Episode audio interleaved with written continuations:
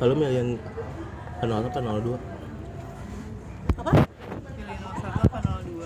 01 atau 02? Iya. Kalau gue 01 itu siapa? 02 itu siapa? 01 Jokowi, Ah. 02 eh bener nggak sih? Apa 02 Jokowi?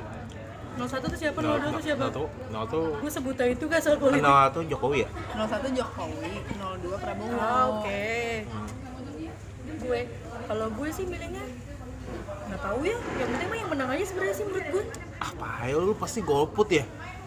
Enggak juga sih. Kita lihat aja nanti cap cap siapa yang Tapi kakak nyoblos. masih nyoblos sih. Tapi kalau golput kayak nggak mungkin sih. Karena kata nyokap gue sayang aja kata suaranya kalau misalkan yang mau nggak nyoblos. Tapi oh, kayaknya lebih bagus 01 deh daripada 02 Dari mananya lo menilai? Karena 01 sudah pernah jadi presiden Tapi sudah ada buktinya gitu maksud lo. Belum ada sih Coba lu coba lah ngapain sih lu golput gini-gini Enggak sih, gue nggak bakal golput sebenarnya. Cuma kalau sekarang lo tanya gue pilih siapa ya, ya belum tahu. Ya apa lu Ayo dong pilih Ini oh, kurang berapa hari lagi sih? Nggak tahu Sekarang tanggal 7 hari lagi kak. Seminggu lagi Kakak kan ya. belum tahu. Ya udah kalau gitu gue semedi dulu buat gue ya. Ya begitulah ya kan Oh, eh, Apa namanya Orang-orang yang suka maksain kehendak pilpresnya. Kalau misalnya dia nggak suka terus dia ngambek-ngambek gitu terus bisa jadi musuhan baru kenalan terus di, dimusuhan cuma karena pilpres. Padahal kan lo nggak tahu kan apa yang jadi pas dia nyoblos tuh di TPS tuh kayak apa gitu kan. Oke nggak usah maksa-maksain lah lu tuh kayak emang lo tahu dia pas di dalam TPS tuh nyoblos apa iya lah. Kalau kata nyokap gue kayak "Hah, masyarakat masyarakat kecil deh gitu. Banyak yang kayak ngasih kaos misalnya gitu kan ngasih kaos ngasih sembako gitu. Pilih satu ya atau pilih dua ya. Gitu. tapi kan belum tentu ntar di dalam di TPS dia bakal ambil nomor berapa kan? Iya itu sama kayak emang lu dulu tahu? Lu bilang mau eskul atau nyata lu pacaran di backstreetan ya kan?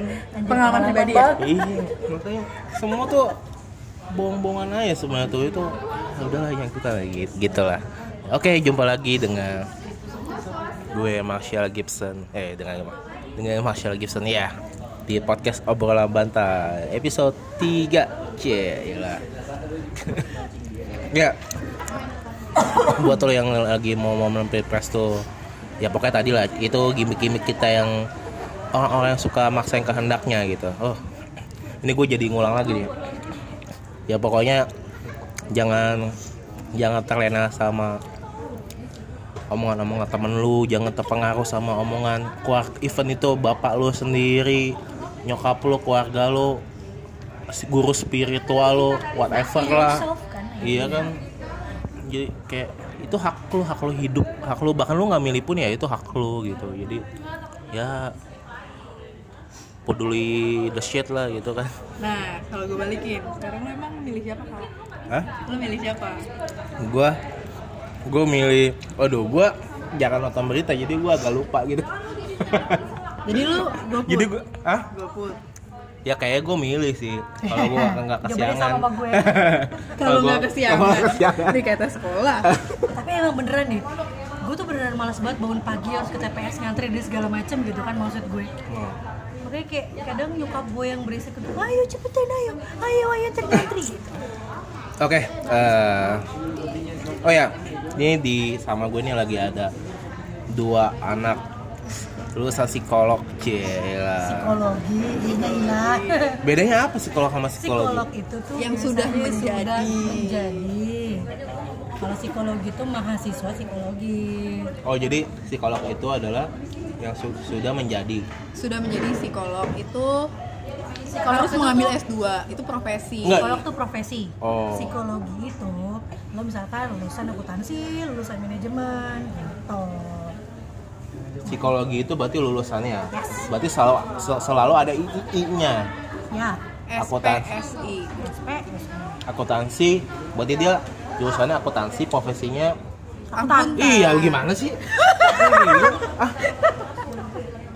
Jadi sebenarnya kita Kok- sih?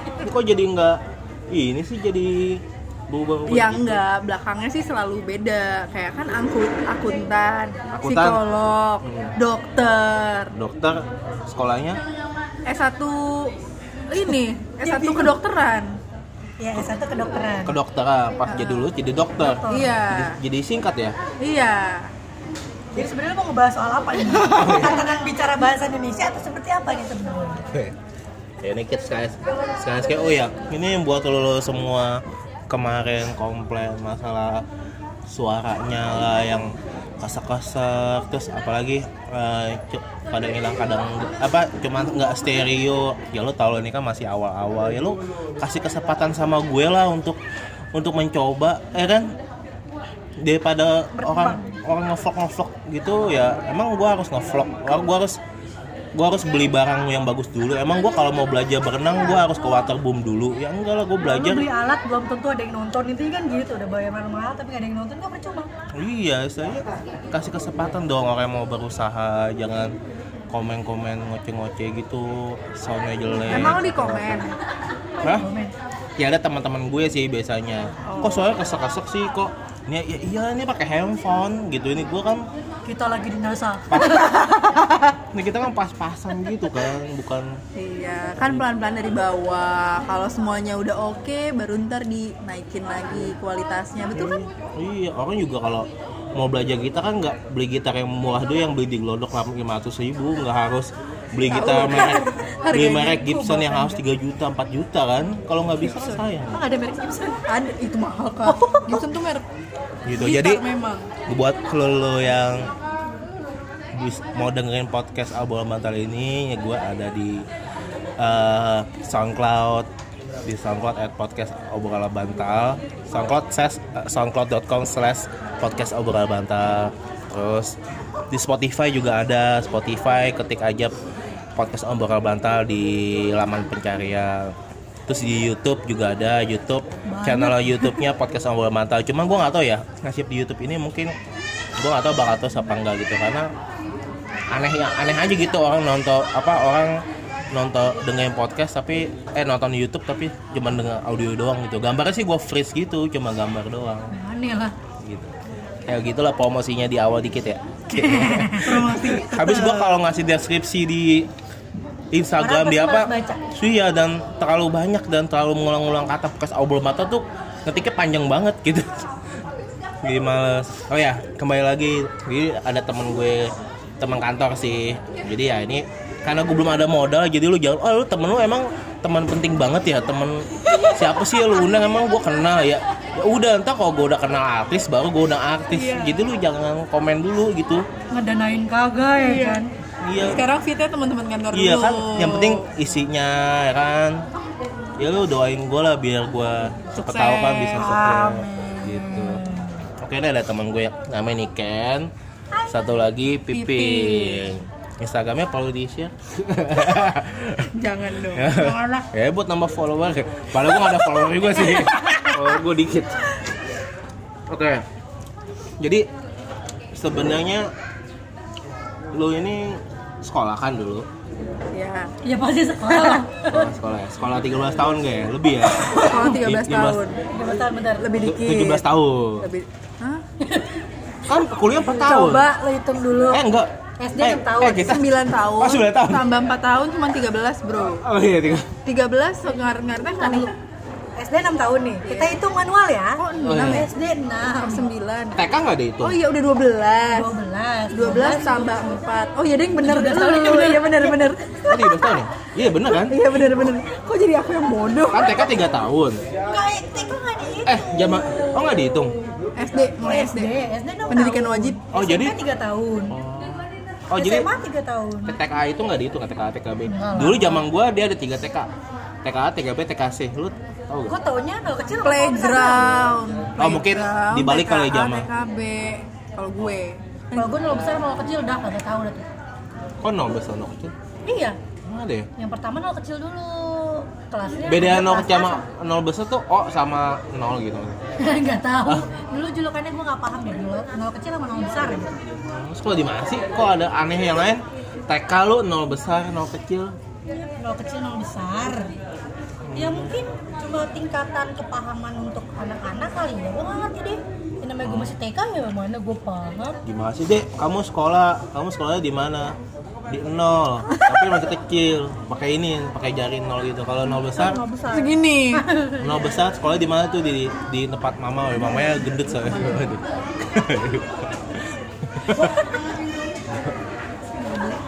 Oh jadi ya ya jadi lu 15 tahun. Eh 17 lah. 17 ya TK SD 6 tahun. Ya kenapa TK iyalah bodo amat lah ya. Ya dari 17 lah kalau bodo. mau TK kurang lebih. Ya bodo amat terus eh jadi apa yang memutuskan lu ambil psikolog lu ambil psikolog kan hmm, psikologi. Oh ya psikologi. Oh my gosh. Karena zaman zaman dulu kita SMA kan belum ngetren gitu kan psikologi psikologi Iya. kan. Dulu kayak apalagi dari orang tua juga nggak tahu kan. Orang tuh kayak lu mau lu sambil apa? Psikologi apaan tuh? Gue taunya apa? iya tahu ekonomi dokter atau mesin atau apa gitu. Nah lu tahu dari mana ambil psikologi? Kenapa lu memutuskan untuk itu sebenarnya dari mana lu? Gue dulu nih. ya, bebas terserah ini bebas ya Oke, kalau dari gue, gue tahu psikologi itu dari salah satu senior gue waktu di SMA, SMA SMP lah. Eh, Nah, eh, awalnya tuh gue sebenarnya mau ambil kedokteran, tapi karena otak gue nggak nyampe dan dana gue nggak nyampe. Gitu. ayo lu deketan takut terlalu Iya. jauh oke oke. Itu terlalu terlalu kencang Iya, ya kan tahu, suaranya. iya. Jadi maksudnya ya gue mikir ya kalau gue gak dapet kedokteran ya gue cari kedokteran lain nih gitu akhirnya gue tahu psikologi gue cari tahu dan memang maksudnya gue tipe kalau orang yang suka denger cerita orang juga jadi ya udah gue ambil psikologi deh Oh jadi emang awal mau doain Coba dokter? ya. Kan jauh banget dokter ke psikologi kan? deket kan psikologi itu kedokteran juga Masa sih? dulu wah gila panjang sih kalau oh banyak banyak banyak namanya. banyak. Oh, Panjang kalau gue bedanya kalau dokter itu mempelajari fisiknya, Ya, kalau psikologi itu mempelajari kejauhan sih mentalnya tuh dokter mental gitu ya. nah Oh my god. gitu Jadi orang-orang yang masuk situ tuh orang sakit ya.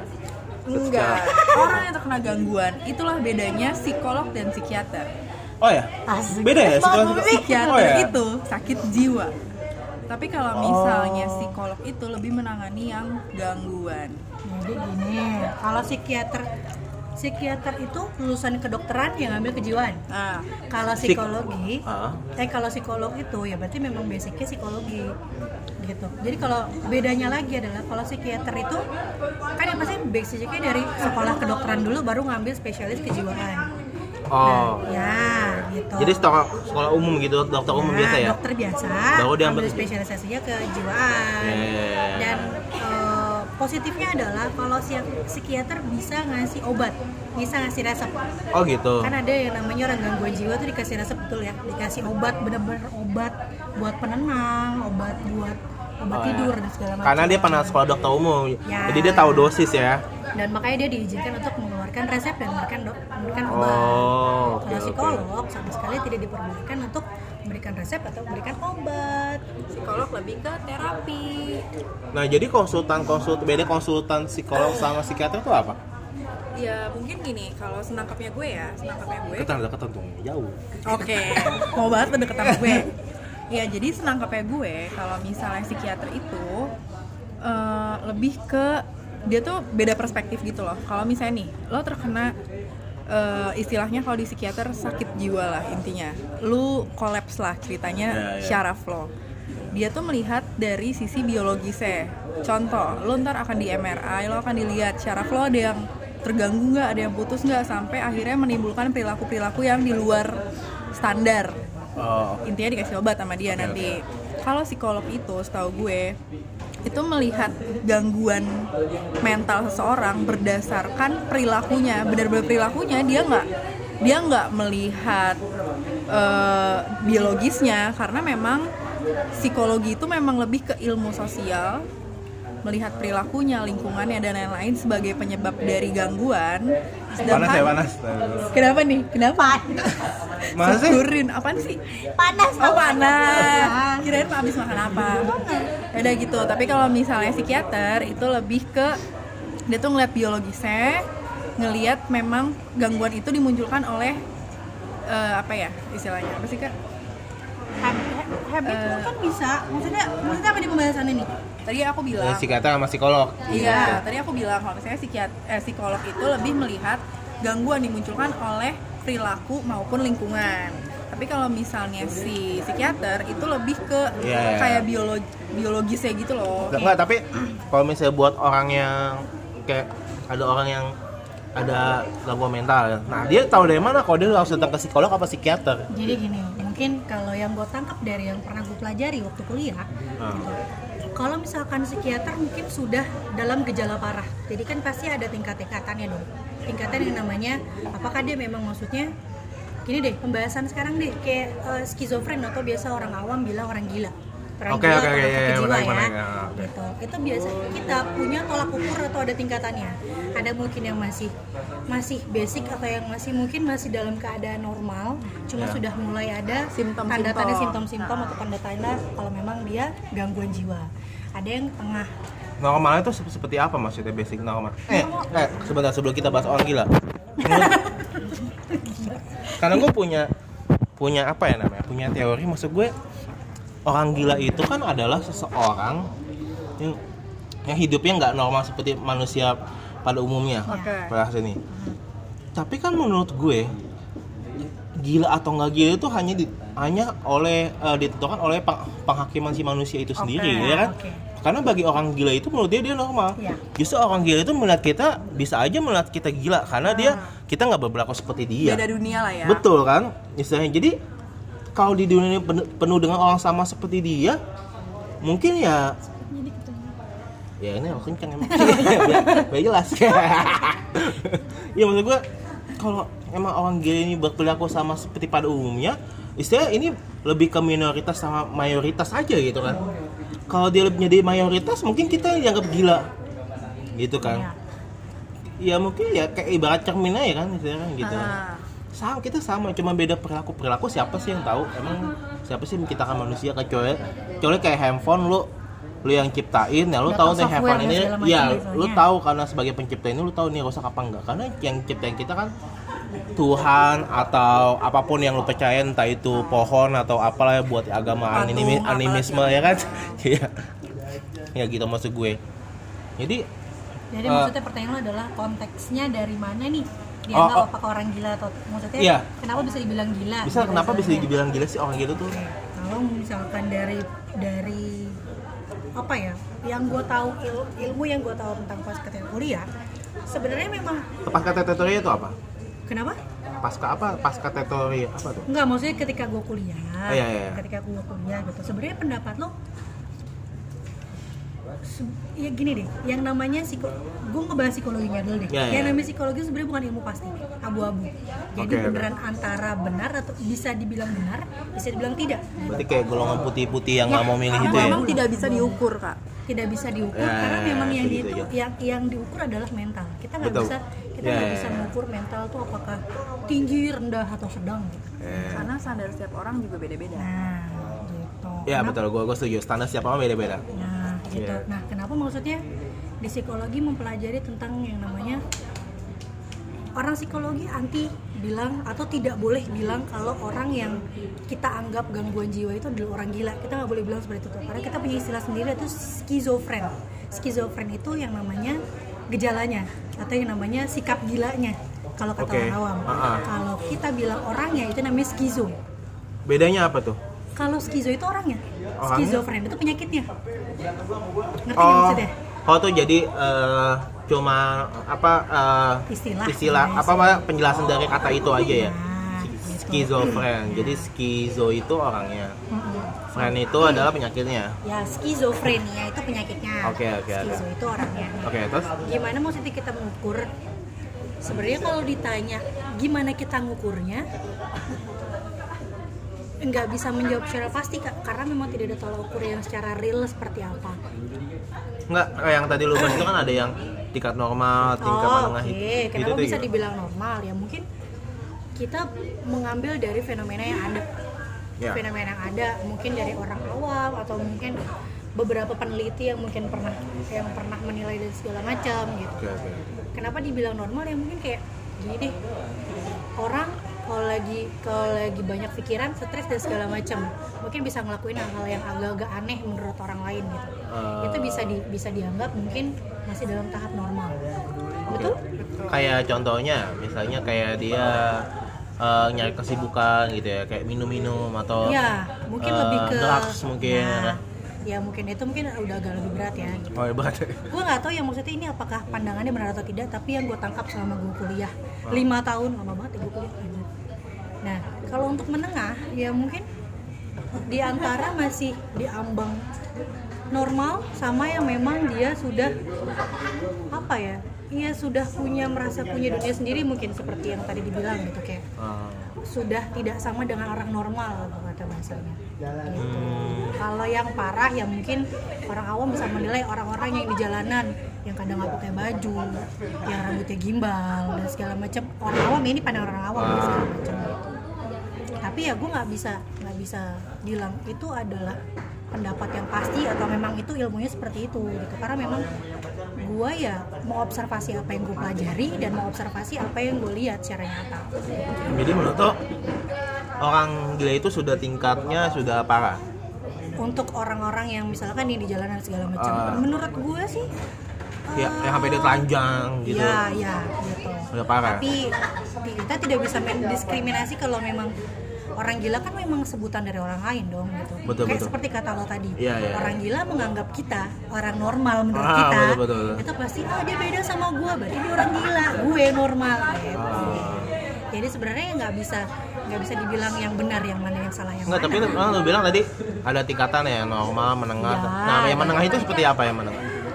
yang menengah tuh apa ya contohnya ya Oh, maksudnya itu menengah itu yang masih ringan ya yang kayak lu bilang tadi ada masalah, ya, mungkin, stres dia lari. mungkin mungkin bisa leb- eh, lebih ke apa ya? Ya mungkin kayak drugs deh gitu. Lu lagi stres dan segala macam tapi Lari. pelampiasannya sampai edik sama obat edik sama minuman edik sama sesuatu yang menurut lu kayak merusak diri lo gitu. Menurut gue ya Berarti kalau yang normal itu kita lah ya, berarti ya. ya mungkin. Nggak mungkin sih ya bisa dibilang seperti itulah.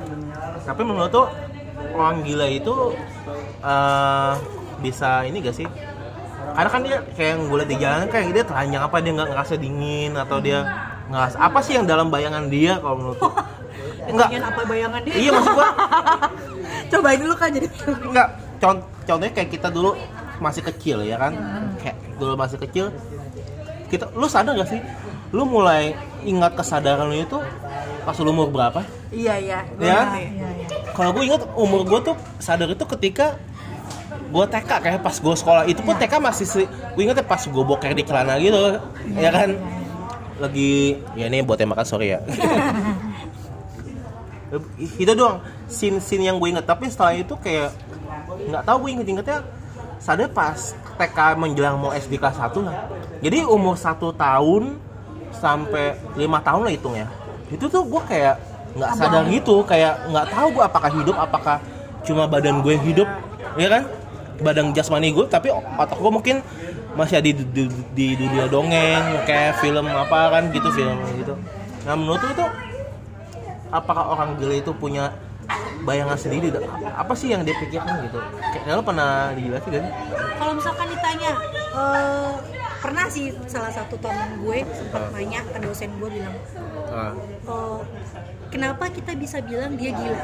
Dari mana ukurnya? Terus di pikiran dia tuh apa? Pertanyaan sama seperti lo gitu. Dan dosen Ah, gue bilang dosen gue tuh dengan ringannya bilang mendingan sekarang coba kamu jadi gila kamu akan rasain apa yang kayak orang gila. Iya karena dosen gue belum pernah gila. Ya maksud gue, gue secara normal mikirnya Ya dosen gue gak bakal bisa jawab Emang dosen gue bukan orang gila kan? Nah, gitu. maksud gua apa nggak ada contoh kayak para psikiater yang didatengin gitu maksud dia kan pasti curhat dong sesi konsultasi dong kayak dia ngebayang apa karena kalau di film-film kan kayak dia punya kedua kepribadian gitu kayak yang film-film Ya, itu film-film gitu kan maksud beda gejala lagi iya kan beda penyakit lagi Gue istilahnya punya cerita sih terkait si skizo ini. oh iya, iya. Jadi gini, eh, suatu saat dalam kuliah gue, gue pernah lah diterjunin ke rumah sakit jiwa. oh iya tuh Nah, intinya gue tuh diminta untuk mengobserv si orang gila ini. observe oke oke Nah, jadi eh, orang gila yang yang gue observe ini, dia tuh menengah lah, dia nggak parah-parah banget. Jadi tuh terkadang dia ada dalam posisi dia yang nggak gila, tapi terkadang ketika dia switch, ya dia berada di dunia berbeda dia nggak sadar ya sama kayak kata lo tadi kayak ketika lo kecil lo nggak sadar apa yang terjadi tapi kayak misalnya umur 11 tahun lo kayak mengingat semuanya tuh baru real gitu itu kan maksud lo tadi Iya, betul. nah sama kayak si orang gila ini jadi ketika ada satu momen lah ada gitu. satu momen di mana dia Sadar. lagi normal dia sebenarnya kayak kita gitu kayak Oh, gue gitu. Oke, oke, nah oke, kayak oke. gue cuman ketika ada apa ya dorongan nih yang menimbulkan dia ke switch menjadi skizonya kamu ya lu kayak emang ngobrol sama orang skizo emang lu kayak ngobrol Oh, sama ya. orang gila Iya, kayak fil- kayak dia film ya. bilang Oh. di situ ada orang padahal sebenarnya nggak ada orang gitu Oh iya iya. Yang Ini kayak- gitu-gitu. Kayak film Mr. Robot tuh pernah nonton gak sih enggak maaf ya Itu sama orang skip jadi dia apa Mr. Robot Iya, Mr. film Netflix gitu, Mr. Robot. Jadi dia satu orang skizo gitu. Jadi eh, dia dari kecil karena yang nggak tahu ya dari kecil jadi semenjak kematian bapaknya dia jadi skizo gitu. Jadi dia ngebayangin bahwa bapaknya itu masih hidup. nah Jadi bap bapak itu kayak selalu ngebimbing dia nge dia dalam kehidupannya dia dan padahal itu diri dia sendiri kayak skizo gitu sih bisa nge-switch gitu sampai dia sadar Nah. akhirnya dia perang sama bapaknya itu seru banget eh kan tuh mau ngambil es krim ambil aja deh nanti aja lah kak. Allah Akbar Iya. burung lele belum dimakan kan? Ya lo tau kan nih yang kayak gini ini kan yang komplain komplain satisnya ini gue cuma bisa bayar es krim ya kan? Bayar makan gitu. Sedih banget hidup gue bukan yang ini kakak. Oh bukan itu ya? itu apa ya? Uang ya gitu lah. Oke lanjut. Oke itu tadi eh, skizo. Ya toh? Skizo. oh berarti gitu ya. Jadi eh, ada yang bisa switch tapi ada yang kalau udah parah setahu gue dia akan ada di titik di mana ya dia skizo terus jarang sadar gitu. Ya maksud gue kayak orang gitu kayak dia telanjang terus dia nggak kedinginan nggak kepanasan terus makan dari sampah gitu apa dia nggak sakit perut gitu ya? Gue nggak tahu sih. tapi dia hidup gitu kan iya, maksud gue. iya gitu. Dan kalau secara ilmu kedokteran tuh ya kesehatan orang gila tuh lebih baik daripada kesehatan kita oh ya percaya nggak? iya Tapi gua nggak iya gue ya, iya gue gue setuju. Pernah ada pernah ada pernah ada pendapat seperti itu sih menurut gue gitu. Dan ya karena mungkin kenapa mungkin ada ada pendapat seperti itu? Pertama mungkin orang gila tuh nggak akan mikir apa yang dia makan yang makan makan aja yang penting dia Betul, betul. gitu. Iya. kalau kita kan kita mikir Enak ini, nggak ya? ini enak nggak ya? Ini Iya. kalorinya berapa lah ya? Banyak pertimbangan lah segala macam. Hal tersebut itu tuh bikin kita jadi mau makan aja bikin stres gitu. Iya. makanya kan sakitnya lebih itu. Gitu, makanya gue gue tuh karena percaya bahwa kesembuhan atau apa pun itu sugesti juga loh. Ya Eh, kayak contohnya ya kayak teman-teman gue anak selatan lah ya kan yang mm-mm, nasi jatuh dikit aja aduh ini jijik banget sih gitu kan. Terus kayak iyo kayak pa, apa kayak apa sih contohnya? Kayak lu minum kopi harus yang es batunya takut kalau dia abang-abang takut mentah segala macam Oh, gitu. bukannya lu. ya kan? Itu bukan ya lu? Ya teman-teman gue juga. Ya gue karena bergaul sama temen-temen gue gitu maksud gue tapi ya gitu tapi gue liat anak-anak yang di selam area gitu kan selam area mereka eh, hidupnya kayak sembarangan eh maksud gue bukan sembarangan kayak makan apa aja gitu nggak nggak milih-milih gitu kan kayak dia hidup-hidup aja malah orang-orang yang menjaga-jaga gitu banyak yang meninggal muda juga kan mati muda kan kayak ya itu sebenarnya gue percaya sama imun tubuh sih. Iya. Imun tubuh, jadi- kalau imun tubuh lu kayak kayak lu misalnya kayak lu diet lu pernah diet kan? Awal-awal tuh susah banget tapi setelah beberapa hari kemudian lu mulai terbiasa tubuh lu mulai terbiasa sama itu. Jadi maksud gue ya emang gitu. Kayak orang zaman dulu juga kalau masak mungkin nggak tahu kayak uh, titik matangnya semana Iya. gitu kan. Ya kan? Manusia-manusia gua dulu kan lu mereka hidup-hidup aja kok gitu. Jadi menurut gue ya mungkin seperti itu kali ya. Iya mungkin. Gitu. Orang gila. Oh jadi apa lagi yang lo pelajarin tentang itu apa ya kayak tadi deh yang soal ingatan lo gitu. Sebenarnya sih cuma kayak eh, ini kayak bel- bel- eh, balik kayak pembahasan lo tadi sebenarnya sih. Eh, yang gue tahu gue pernah dapet eh, pelajaran dari dosen gue untuk secara manusia umum itu bisa mengingat masa lalunya itu stop di usia 3 tahun kalau oh ya? Ya kalau nggak salah ya gue nggak tahu deh seingat gue usia 3 manusia tahun. lupa akan masalah stop di usia 3 tahun. Jadi istilahnya lo akan mengingat lo masa lalu tuh hanya di ketika lo umur 3 tahun ketika lo umur setahun atau dua tahun lo tuh nggak akan eh, kemungkinan nggak akan ingat. Kenapa? Kenapa? Kenapa di program seperti itu ya mungkin perkembangan otak kali Iya, ya mungkin. mungkin Oh, mungkin karena perkembangan otak yang belum sempurna iya Ya karena dulu kepala kita masih lunak ya. masih gampang kebuang. ya. oh gue inget Apa, apa, apa, apa? ini pokoknya di teori di teori psikologi itu ada Ah, yang ya. disebutkan teori perkembangan Oke oke. Seingat gue, oke itu tuh ada teorinya umur sekian sampai sekian itu perkembangan apa? Itu misalnya yang apa anal, oral, kayak ada gitu-gitu lah intinya. Nah jadi kalau seingat gue, memang di bawah tiga tahun fokus anak tuh untuk eh, dia tuh kurang memikirkan hal yang lebih kompleks memaknai gitu loh. memaknai sesuatu Iya, dia tuh enggak, dia tuh ngambil simpel-simpelnya aja. Contoh, Oh iya. Eh, cewek itu pasti nyokap gue karena makanya kayak sering anak kecil kayak manggil orang lain yang perempuan juga tuh sering mama juga gitu karena dia Oh, iya, simpel iya. oke Iya, gue iya, nangkepnya iya, iya. perempuan itu adalah mama cowok itu adalah papa ya udah semuanya dipanggil mama semuanya dipanggil papa Iya. jadi kayak simpelnya seinget gue ya gue lupa sih persisnya umur berapa cuman seinget gue ada fase di mana memang seorang anak itu tidak memaknai sesuatu secara kompleks Iya ya. Nah, kayak dia mau mau apa gitu kan pokoknya dia fokus sama tujuan itu kan. Hmm. kayak makanya anak kecil tuh selalu bahagia gitu kan. Nggak kayak Iya. kita orang dewasa karena kita terlalu banyak pikiran gitu kan. Kita terlalu banyak pemikiran inilah itu loh terlalu banyak mengeluh kayak lu ya bersyukur aja hidup lo gitu kan. Nggak Udah, ngomong datu sama kaca ya kan? Nggak semua nggak semua orang tuh sebahagia lo gitu kan. Ya gitu. Jadi tapi apa yang ngebuat tuh tertarik untuk ambil psikologi awalnya? Karena kan di SMA itu nggak gue belum pernah dengar guru yang eh kalian mau lulus jadi apa? Eh lo by the way SMK SMA SMA SMA SMA kan? Kayak pasti anak SMA tuh selalu dididik untuk lo kerja ya kan? Jadi kerja jadi paling ya basic basicnya kerjanya nggak pernah kerja yang ini paling nggak pernah jadi youtuber atau jadi apa gitu. Kayak lu nanti bakal kerja lu jadi budak sebuah korporat kapitalis gitu kan? Ya lu bekerja senin sampai jumat ya seperti itu. Apa yang terlalu sekolah cita-citakan sekolah ber berapa 12 tahun. Ya gitu nggak ada yang kayak eh lu mau mencapai mimpi apa? Gitu tuh cuman pas lu SD doang mencapai mimpi. Ya kan pas lu SMA lu disuruh kerja. Mimpi-mimpi pas SD lu tuh ng- nggak pernah di encourage lagi gitu kan. Gitu. Iya sih, memang maksud gue gini. Eh, Kayak hal simpel aja deh, gue pernah baca baca suatu artikel yang bilang kalau misalkan anak SD itu diajarin untuk gambar gunung tuh itu aja Iya, Ya kan? betul. segitiga segitiga matahari Iya, iya. tengah Oke, oke. gitu nah padahal sebenarnya kan gunung bisa aja cuma satu Iya, betul, matahari di pojok atau Iya. ada matahari itu cuma cuma eh, awan doang ada materi dan segala macam gitu makanya gue kadang suka heran dengan dunia pendidikan kenapa maksudnya harus kayak keponakan gue deh keponakan gue gambar gunung se seenak dianya aja. Gunung warnanya ungu ya kan? Mataharinya warnanya hijau dan segala macam.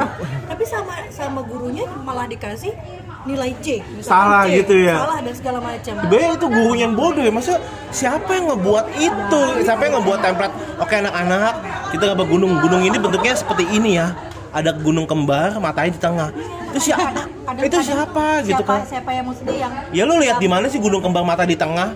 Nggak ada gitu kan? ada ja- ada jalan di tengah-tengah gitu. Iya, ada jalan. kanannya sawah Itu tuh, aduh itu siapa gitu ya? makanya kayak gue kadang mikir eh, dulu dulu mungkin gue merasa kalau gue saya pribadi dulu nggak terbatasi sih sebenarnya gitu tapi entah kenapa gue melihat makin ke sini Ah. kita tuh makin makin kayak anak tuh buat explore untuk apa yang dia mau dia berimajinasi tuh bahkan dibatasi gitu ya kan Iya, betul, Gitu. betul. maksud gue harus mengikuti apa apa yang guru mau dan orang tua mau misalkan seperti itu kadang gue jadi kasihan kayak anak anak satu SD yang gue tahu dulu gue dari TK masuk SD tuh nggak ada tuh yang namanya tes masuk atau di SD ada uan itu nggak ada. Kenapa? sekarang bahkan ada. Oh, sekarang ada serius? ada sekarang. Di Uwan Kebayang Lu bayangin aja. Masuk Tapi masuk. kelas 6 sih, kelas 6 sih ya, Iya, masih memang. oke lah. Masuk kelas satu SD tuh harus bisa baca sama nulis lo bayangin aja. Gue bisa ba gue bisa baca aja ketika gue di kelas 1 kelas 2 nggak semua orang loh kak melalui masa-masa TK itu nggak semua orang. Tapi gue, tapi menurut gue zaman sekarang nggak harus orang bisa nulis sih. Random banget ya bahasanya. Iya mencar mana ya. Tapi menurut gue zaman sekarang apa ya zaman digital makanya gue nggak tahu suka era digital yang terlalu cepat banget gitu maksud gue eh maksud gue eh di zaman digital ini terutama anak milenial semua serba komputer. Gitu. udah nggak ada tuh tulisan-tulisan bagus. Ada coba lu tanya ponakan lu emang ada pelajaran apa eh, menulis Menulis indah. sambung, menulis sambung ya menulis indah iya, menulis iya, sambung iya. kayak itulah kan. Nggak ada kan kayak semua sudah serba ketik gitu kan. Serba ketik serba iya. Mungkin kalau untuk kayak nulis bagus dan segala macam gue nggak tahu ya menurutnya perkembangannya itu seperti apa. Tapi mungkin anak kelas 3 sekarang itu katanya ya yang gue tahu buku pelajarannya sama ketika lo lagi SMP itu setebel-tebel buku cetak sendiri buku apa sih itu yang satu lagi tuh yang tipis Kan ada buku bergaris. LKS LKS Ah, LKS sendiri, Eh. buku PR sendiri, buku catatan sendiri. Eh. Bayangin aja anak kelas 3 SD. Iya. Ya tapi tetap aja itu yang yang baca bukan dia tapi yang baca emaknya Iya, gitu. memang. Jadi ya yang tersisa ya itulah wahai emak-emak ya kan. Tapi bener maksud gue dulu pertama kali gue lulus kerja SMA gue ngelamar kerja karena gue diajarin dulu tulis pakai tulis tangan, Ya. Tangannya. tulis tangan, tulis CV. Oh iya yang lama. Dan gue pas interview gue dibilang sama HRD kok ini tulis sambung sih? Kenapa nggak diketik? Emang kamu nggak bisa komputer ya? Bu tulis ketik tuh lebih asli dong. Kalau eh tulis tangan tuh lebih asli. Kalau lu tulis ketik bisa lu di, di- diketikin emang lu tahu itu diketikin apa lu ketik sendiri ya kan? Iya benar. kalau tulis tangan ya tulis lu sendiri dan itu Otentiknya tuh bisa lebih terlihat gitu kalau untuk tulis tangan tuh sebenarnya. Iya, kayak lu di sekolah itu mempelajari tentang uh, bahasa tulisan kan, mungkin kan orangnya seperti apa karakter tulisan tersebut. Ini gua dibilang old school gitu kan, anjir.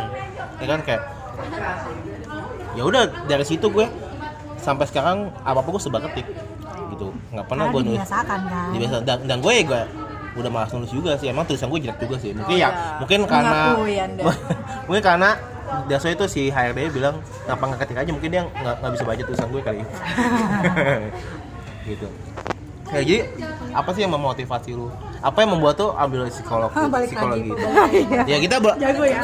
Oh, kita bolak balik bolak balik aja nih Oke, kalau dari gue, gue sebenarnya gini, gue tuh sebenarnya gini-gini, gue tuh orangnya cita-cita gue sebenarnya pengen banget menjadi ibu rumah tangga. cita-cita Menyambi oke cita-cita sambil gue menjadi psikolog, itu cita-cita gue. Kenapa gue pengen kayak gitu? Karena menurut gue seorang anak dididik sama ibunya, kalau nggak bener, ya itu salah ibunya menurut gue. Kayak Ya, gue, ya, ya. ya intinya gitu, lo ngerti kan? karena soal gue? anak kan nggak tahu kan Iya, dia terima karena- aja yang ada Nah, jadi gue membutuhkan ilmu psikologi untuk gue praktekkan ke dalam gimana caranya nanti gue menghadapi anak gue, berkomunikasi sama anak gue, intinya membesarkan anak gue lah, gitu. Cuman ya gue tidak menutup mata juga. Memang dari awal gue tuh sebenarnya pengen jadi psikolog klinis, oke gitu. oke Kenapa- tapi kan kalau buat anak doang kenapa nggak baca buku kan sekarang udah banyak loh kayak seminar-seminar tentang ibu dan anak gitu Baru-baru ini.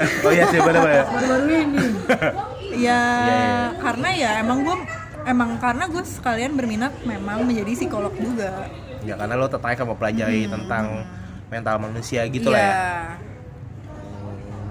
kalau lu kan Kalau gue eh, apa asal mulanya ya tadi kan gue sudah cerita ya. Iya. Maksudnya sebenarnya gue tersugesti sama kakak gue, kakak senior oh ya gue. oh kakak senior di sekolah lo ya waktu SMP, SMP deh kalau nggak salah di SMP gitu nah terus gue sempet kayak cari tahu cuma sebatas apa sih itu psikologi gitu apa ini pelajari sebenarnya Oh. gitu. setelah gue pikir-pikir kayak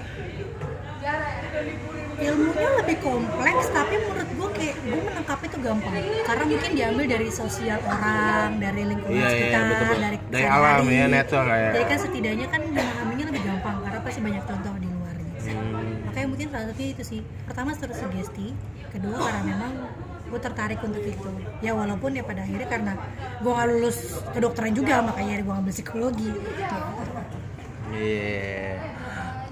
Iya sih. Tapi gue dulu pun juga emang gue nggak tahu tuh psikolog. Jadi gue tak gue tahu psikolog itu ya psikiater. Orang gila lu datang ke sana curhat gitu sama gue tahu psikologi itu luas tuh ketika gue kerja oh ternyata HR itu ya dari psikolog psikotes psikotes orang gitu kan oh gitu. Eh, apa lagi ya ini nggak boleh dep ini nih nggak boleh nih. Ini nih, pembahasan ini. Karena gue tidak prescribe nih. gue bahas apa lupa nih anjir. soal psikologi lagi deh gitu memang sebenarnya kayak tadi gue bilang sebenarnya kalau mau diceritain tuh psikologi dasarnya dari mana tuh agak panjang sebenarnya tapi ke- intinya adalah psikologi itu asal mulanya dari kedokteran. Nah, coba bentar-bentar. Gue contek skip juga ya bentar nih. Kita lihat. Bentar ya. Kan Soalnya gue semalam udah nulis gitu. Ale mau Iya. tanyain. psikologi kan Ah. kan gue sih iya Eh, Oke. Eh, tadi kan apa yang dipelajari udah ya tentang soal segala macam. Tapi apa sih yang yang yang, yang lu dapat pas apa? Apa sih? pelajari psikologi Hmm, setelah lu dapet itu apa sih gambaran lo? Woi udah 40 menit ya anjir. Tiga. emang harusnya berapa lama Ya gue sih durasi 30 sampai 1 jam sih maksimal. Iyalah.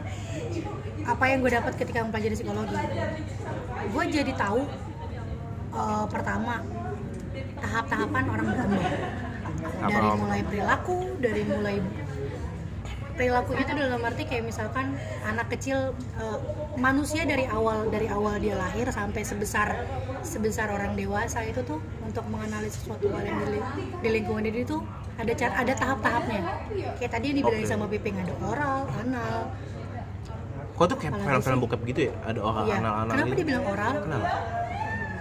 Kalau untuk usia gue lupa ya. Kalau misalkan oral setahu gue anak kecil mengenali sesuatu tuh pasti dia dimasukin mulut. Lo merhatiin nggak anak Apa? kecil? Anak kecil pasti sering banget masukin apa-apa ke mulut. Iya. Tahu kan?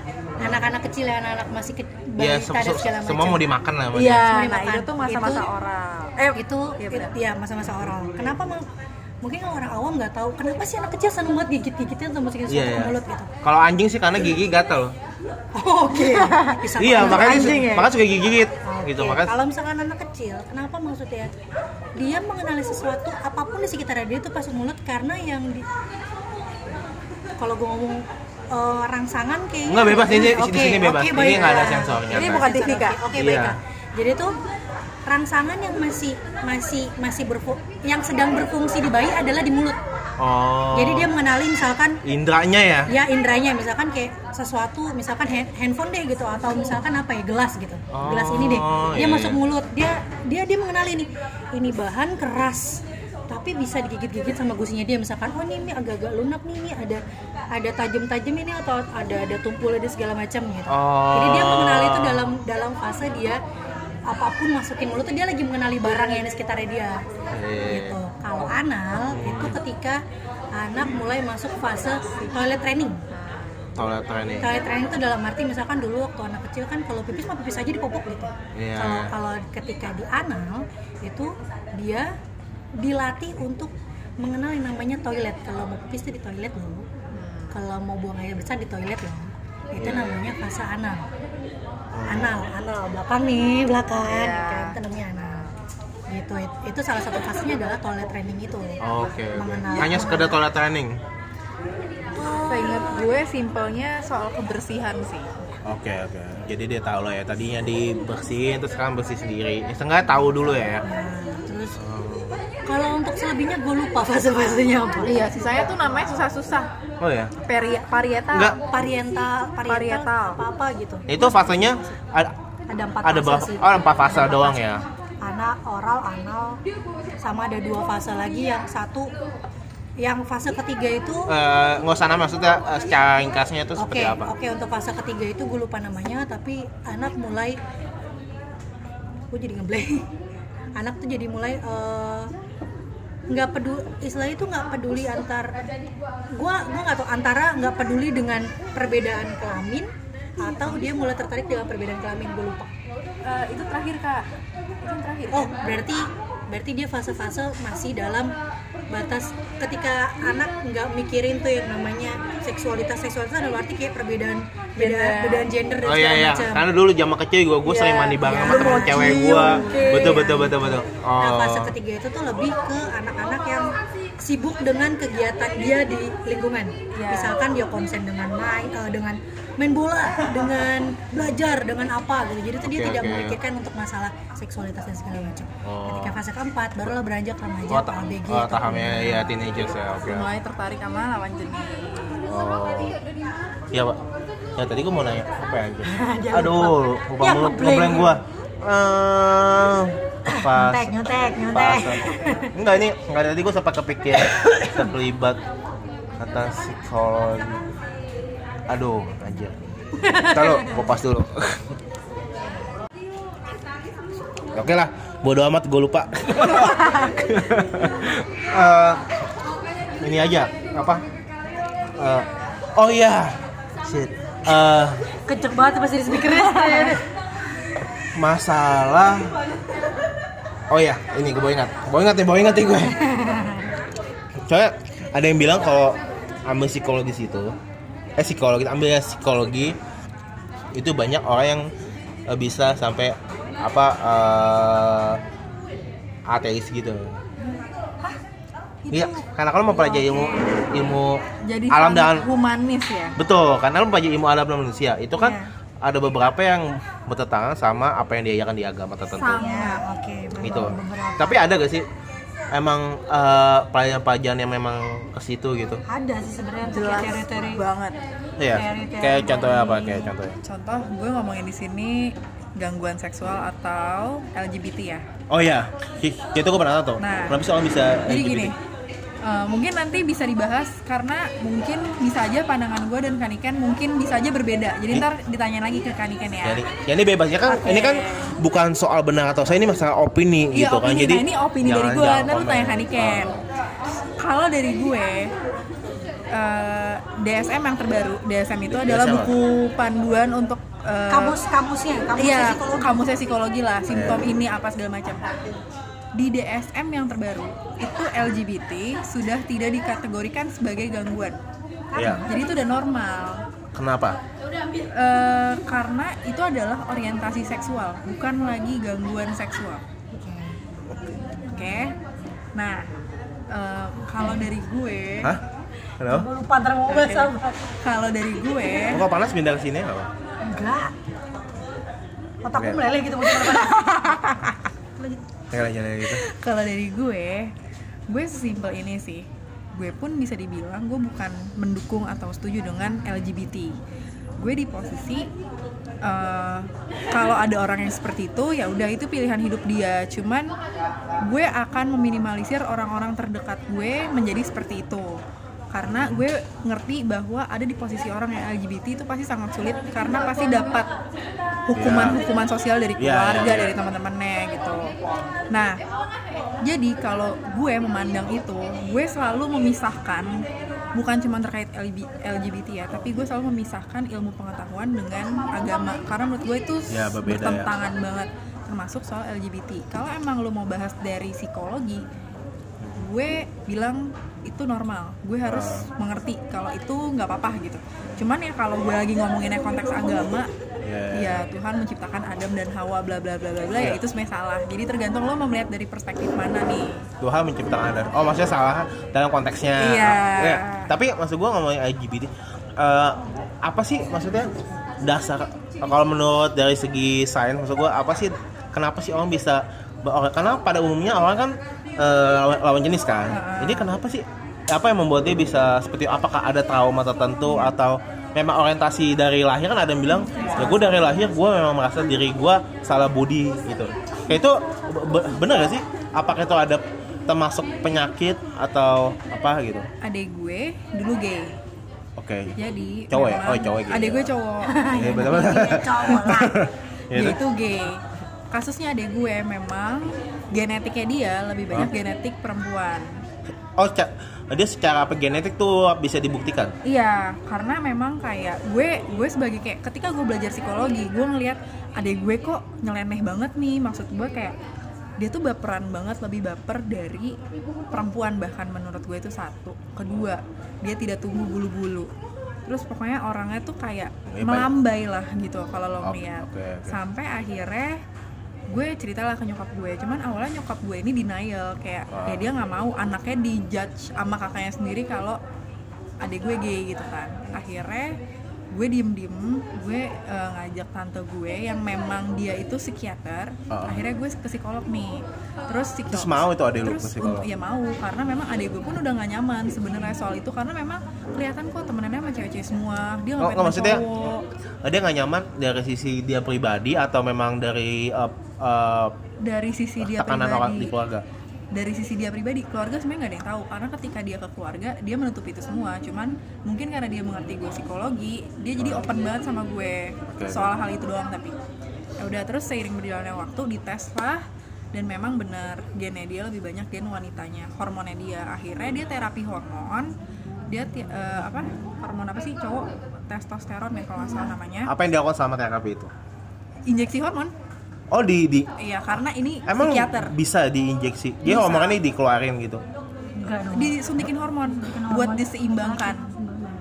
Oh nah. seimbang jadinya seperti apa kalau seimbang? Nah tiba-tiba ya pokoknya adik gue sudah tidak memunculkan melambainya. Terus memang jadi waktu itu eh, kalau pernah dengar adik gue tuh ke angsa merah. Apa angsa merah tuh? Itu kayak apa ya kak? Klinik psikologi gitu ya. Nggak tahu gue. Oh ya? Kayak, eh, Oh, di kayak- daerah kayak- Wijaya sana. Ah, iya. Jadi kayak psikiater dan psikolognya tuh kayak apa ya kayak bekerja sama yang satu untuk injeksi yang satu untuk membenahi perilaku yang menyelenehnya nih. Oh nah mereka secara- bekerja sama ya secara udah. fisik sama secara mental Iya, jadi oke nih ya udah. Itu itu lama kak, itu dari adik gue SMP sampai kelarnya tuh awal dia masuk kuliah. oh ya? Itu baru semua normal, dia punya pacar, terus emang kakinya udah normal lah intinya sekarang. Oh, Gitu. ta- tapi kan itu berlaku untuk orang yang memang open kan karena kan. Pak Pak Ade lu kan emang dia dia dari SMP emang merasa eh, iya dia tuh sudah Iya. gak nyaman tuh tapi ada beberapa orang kan memang ya gue nyaman seperti ini karena memang gue dilahirkan untuk wanita gitu kan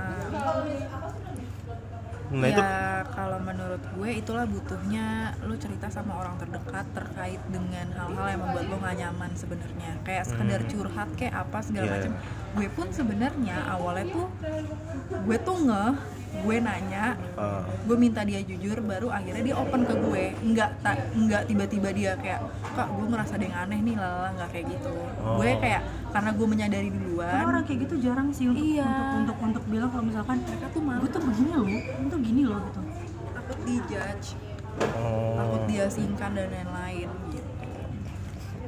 Iya. Tapi ada juga loh yang karena sosial oh itu beneran ya? Itu beneran ada. Kalau dari perspektif gue. Iya jadi ada yang ke trauma dari orang tuanya lah Iya. ya kan? Nah itu bener ya? Benar Enggak maksud gue kalau gue kan kayak setamat sedepres depresinya hidup gue masalah gue gitu kan. Udah gue diputusin atau gue di di apa dikoncin sama gue di Iya. WC atau gimana kan tapi gue nggak ada pikiran untuk trauma wanita sih. Nah tapi kan jadi gue gue masih nafsu nonton film bokep sih maksud gue. Ya kan? lah. Eh, tapi, tapi film bokep udah ada gay juga sih anjir ya. ya terus tapi menurut gue balik lagi sih tiap orang itu menangani permasalahan dalam hidupnya kan beda-beda nih. Hmm. ya mungkin lo bisa menghadapi permasalahan lo sendiri tapi belum tentu gue misalnya ada di posisi lo gue bisa menghadapi dengan cara lo. Jadi menurut gue balik lagi standar orang tuh beda-beda. Ya ya betul betul betul. Gitu.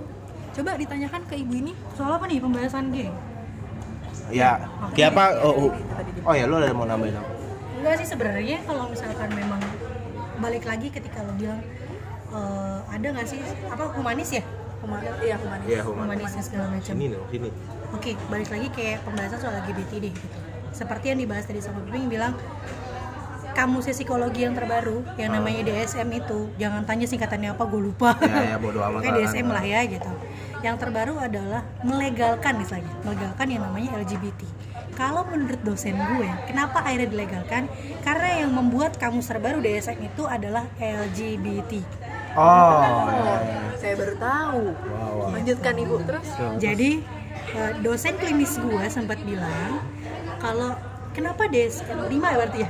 enam. Oh DSM 6 DSM 6 DSM 6 kenapa akhirnya melegalkan yang namanya LGBT dan tidak memasukkan itu dalam general eh, maksudnya tidak dalam eh, masuk konteks gangguan seksual atau gangguan gangguan jiwa lah kalau gangguan mental lah gitu karena memang yang membuat DSM 6 itu adalah salah satu dari yang memang LGBT Oh, dia oh, ini tapi ini konspirasi atau memang udah fakta nih? Eh, kalau untuk fakta sih karena memang gue tidak eh, mencari tahu lebih jauh ya mungkin lebih ke konspirasi kali Konspirasi, ya ya. gitu pendengar bisa nyari tahu tahu sendiri ya. boleh silahkan lah gitu. Tapi memang yang di mindset gue yang ditanamkan sama dosen gue adalah karena memang yang membuat DSM terbaru adalah salah satu pengidap LGBT.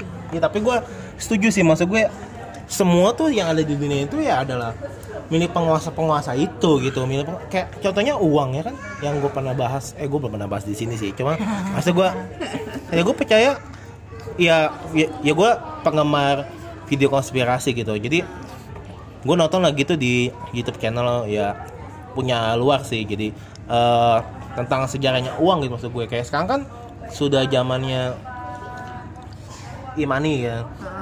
Sebenarnya imani pun zamannya uang kertas pun itu sudah termasuk apa mata uang. Jadi dia di video itu membedakan mata uang sama mata uang. Kalau mat uang sebenarnya itu adalah harta yang benar-benar harta. Kayak fisiknya gitu. fisiknya benar-benar Nah, emas atau perak atau apa pun gitu kan. Itu yang benar-benar harta. Benar-benar real dan. Nilainya sama di seluruh dunia. Itu uang. Tapi mata uang itu adalah sebuah kurensi yang ditentukan oleh suatu negara yang dan dan nilainya tersebut ditentukan oleh satu badan yang ditunjuk oleh eh, pemerintah. Kan, jadi kayak dulu kan zaman sistem barter.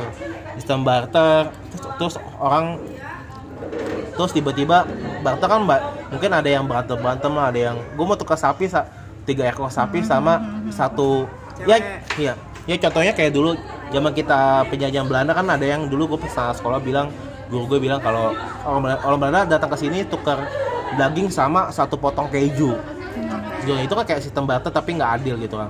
Terus adalah ada satu orang yang datang tiba-tiba lu mau gue simpan harta lu di tempat gue gue jamin aman gitu kan gue jamin aman. Tapi gue kasih satu lembar kayak kayak pejan kayak kwitansi lah zaman sekarang gitu kan. Lu kasih gue uang lu harta lu gue kasih kwitansi. Jadi suatu saat mau ngambil kapan aja bisa kasih kwitansi itu. Jadi dia kasih lah satu kwitansi itu. Itu hu- hu- eh, mata uang kertas pertama kali. Gitu kan. Terus itulah mulai dari situ baru tuh dia pikir oh ini kayaknya oke nih ya kan. Bagaimana kalau gue buat mata uang ini sebagai transaksi itu jadi dipaksakan bahwa gue kalau mau belanja harus pakai mata uang tersebut harus pakai kwitansi tersebut. Kalau nggak bisa kalau nggak ada kue- kwitansi itu lo nggak bisa belanja. Ya mau nggak mau ya gue dipaksakan untuk menyerahkan harta gue ke dia. Ya mungkin itu salah satu sih salah satu contoh yang memang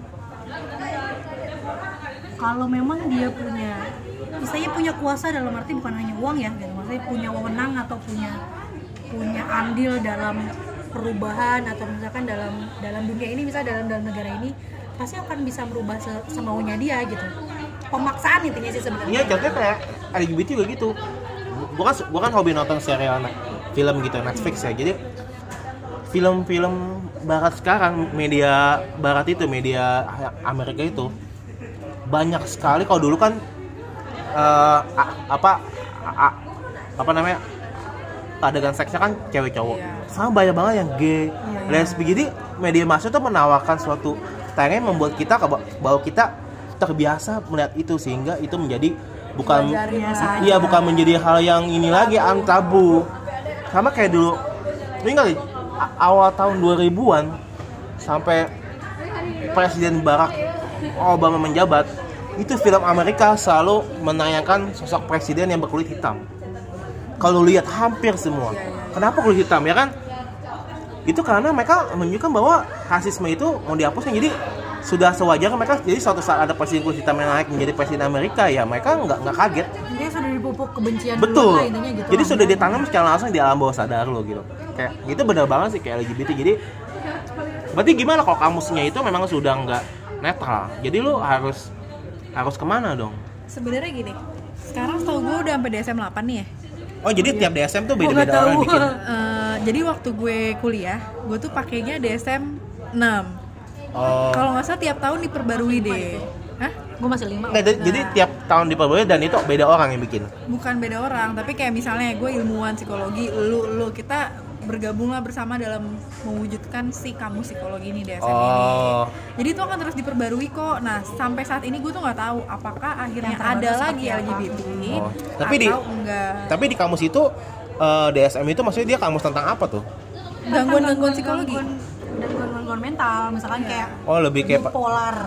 Oh lebih ke kayak bipolar tuh dua kayak punya punya iya. be- mood swing lah. lah. Iya, awalnya eh, mood iya, mood swing. lama-lama Eh maksud gue itu kamus itu lebih kayak s- sebuah panduan aja ya. Kalau Iya. misalnya sakit ini jenisnya apa sih Nah, namanya? iya. Oh, oke jadi oke. kayak kamus yang misalkan kayak apoteker deh gitu nama-nama Iya, iya, obat betul, ini. Mbak. Iya, betul, betul, betul, kita betul. obatnya.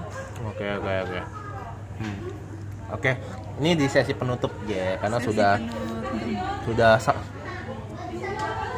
sudah satu jam lebih loh. Gue kira gak kerekam ya kan gue takut gue juga takut gue kan nolnya banyak. Oh, ngira ada satunya dikit. Eh, apa sih yang kan kan lu sekarang udah lulus nih. Nah, Terus tuh eh, mau mau ngapain lagi kayak gitu kan kayak sosok talk show talk show gitu kan. Apa sih rencana lu lagi? Nah, berikutnya seperti apa Iya. Ap- Soal di- apa lu cukup uh, enough sama.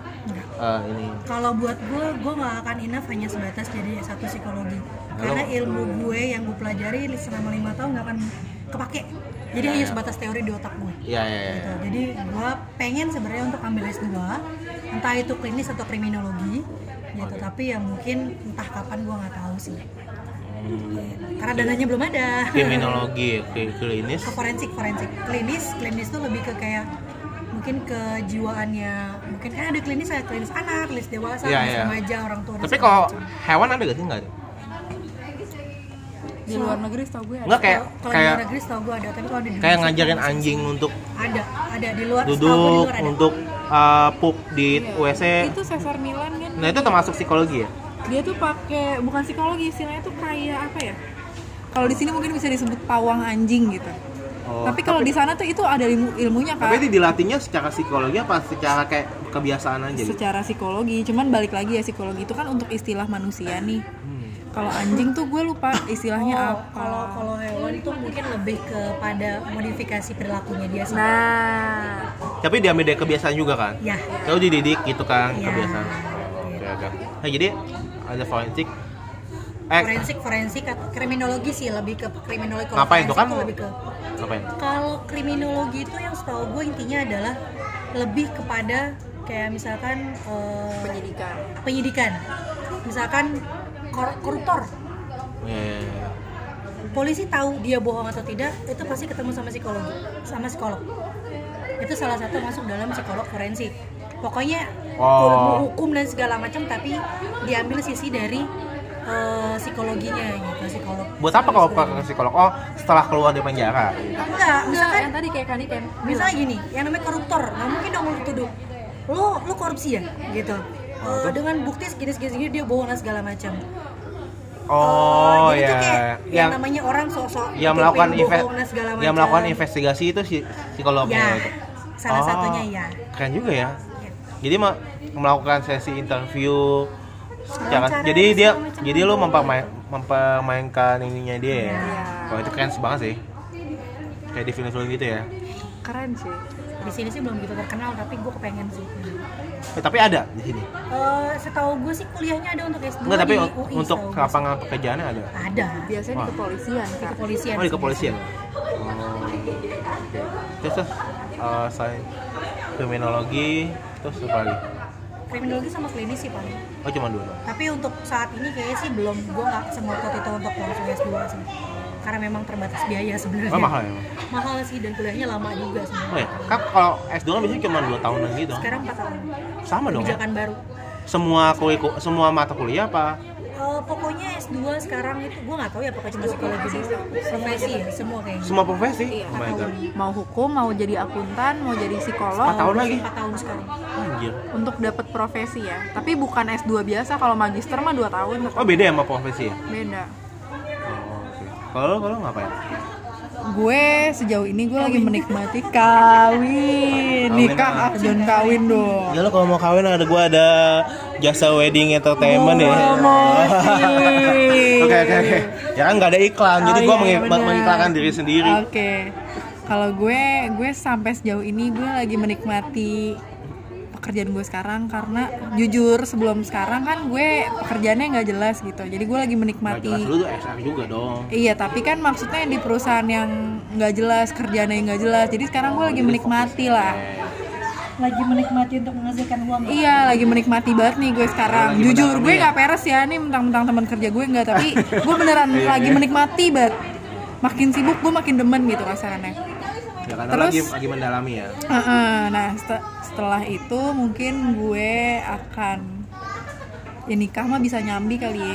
Iyalah nikah. Iya, tapi intinya poinnya gue harus ngambil S2 mungkin kurang dari lima tahun. Ini dalam jangka waktu lima tahun gue udah harus ngambil S2. Oke. Eh, satu lagi. Kira-kira lo ada kampus recommended gak sih? Buat temen, Ya.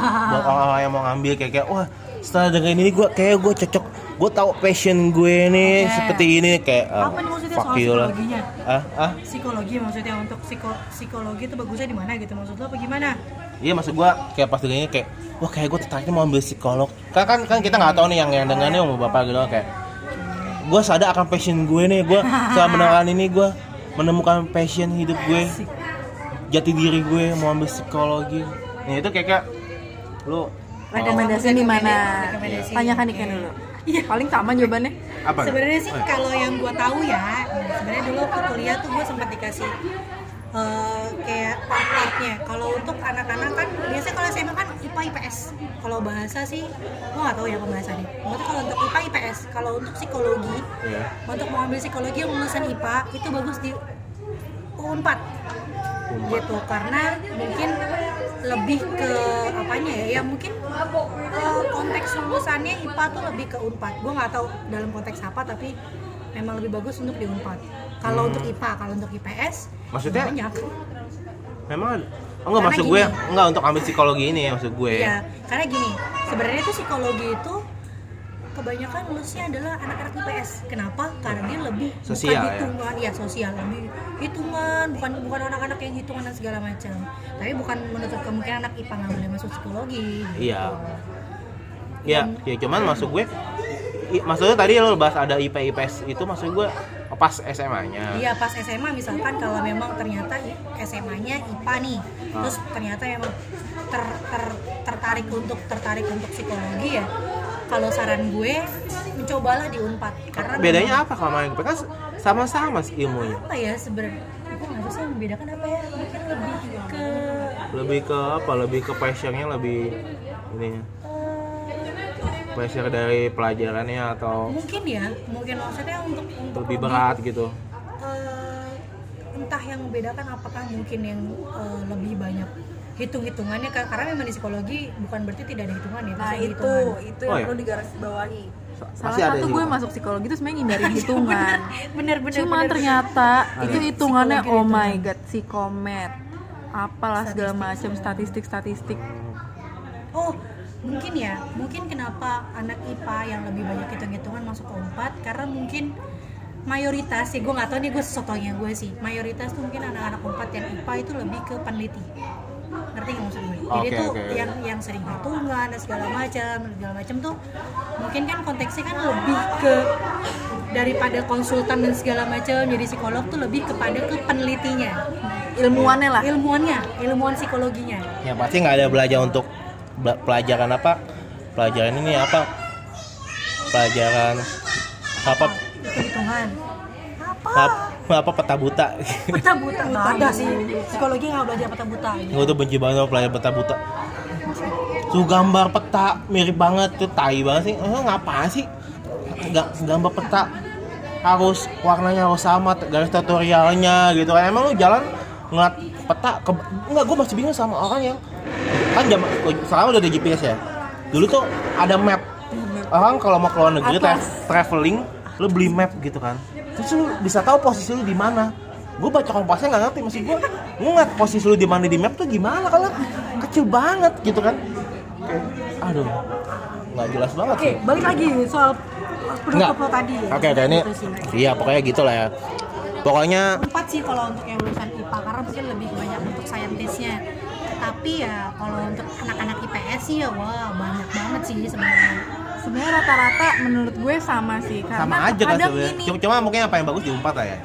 Untuk Hmm, apa yang bagus? Kalau dari IPA iya. Karena emang dia nutup dari IPS kan kak. Dia IPS sama sekali nggak boleh masuk situ kan? Oh gitu. Dari Iya. dianya menurut memang dia ya? klasifikasinya harus IPA iya. Aku soalnya dulu pengen. Oh. gitu. Tapi kalau untuk IPS ya terbuka lebar semua di Iya, semua rata-rata kampus. dosen di Untar misalnya yang ngajar juga di Atma, ngajar juga di UI gitu. Sama-sama aja sih. karena memang memang basicnya untuk orang psikologi itu adalah rata-rata IPS lebih ke sosialnya ya kenapa sih IPA IPS selalu dibedakan kayak Jangan gitu dong gue anak bahasa nih BTW. gue anak IPA ah nah IPA iya kenapa sih IPA loh Anak IPA. wow anak IPA tuh yang kita IPS kayak wah IPA IPA padahal sama, sama aja. aja. Ya gitu kan sama-sama ngitung sama-sama Iya, sama-sama. hafalan segala macam sama. Ya udahlah gitulah ya. Pembahasannya udah udah satu jam lebih nih. Oh ya Nah, sebelum gue tutup gue promo lagi ya kan? Kalau podcast obor bantal ini kalau lo mau kasih kapis kasih gue saran kasih gue top, top kasih gue topik pembahasan. Enggak enggak gue nggak mau yang kayak kayak eh, sekian YouTube podcast obor bantal comment like and subscribe. Kayak enggak banget ya. Langsung di delete lu gak bakal dengerin Iya, gue tuh gak ngasih itu kayak bodo amat lu ya lu suka ya lu suka. Kalau enggak enggak gitu kan kayak. Ya ini buat kolam kolam eh bukan kolam maksud gue ya ini buat ya ya ini buat dia ini gue gitu kan. Buat gue latihan ngomong aja. Tuh. Oke iya ini pot kalau yang mau kasih saran kasih kasih kotok kasih gue topik gitu kasih gue topik untuk pembahasan berikutnya. Jadi gue bisa tahu oh gue mau bahas ini karena gue bukan orang yang suka baca dan gue bukan orang yang nonton berita. Gue tuh suka nonton film serial jadi gue nggak tahu. Jadi gue nggak sih gue nggak nonton Korea. Gue film barat. Cuma gue gue bertanya berkonsep tuh hanya yang ada di imajinasi gue aja gitu oke eh, ya lo bisa email gue di podcast bantal at gmail.com lo bisa kasih topik apa kasih eh, kritikan ya boleh lah kasih kritikan. Atau DM gue di Instagram di at Gibson Marshall atau di Twitter at Gibson Marshall juga. Eh, podcast ini lo bisa denger di YouTube channel di podcast obrolan bantal ada juga di Spotify podcast obrolan bantal sama dan di SoundCloud podcast obrolan bantal. Oke sampai ketemu di tempat lain ya. Eh sampai ketemu dengan topik lain. Oke jangan lupa kasih komen. Gua bener-bener nggak tahu mau bahas apa nih. Oke ya bye bye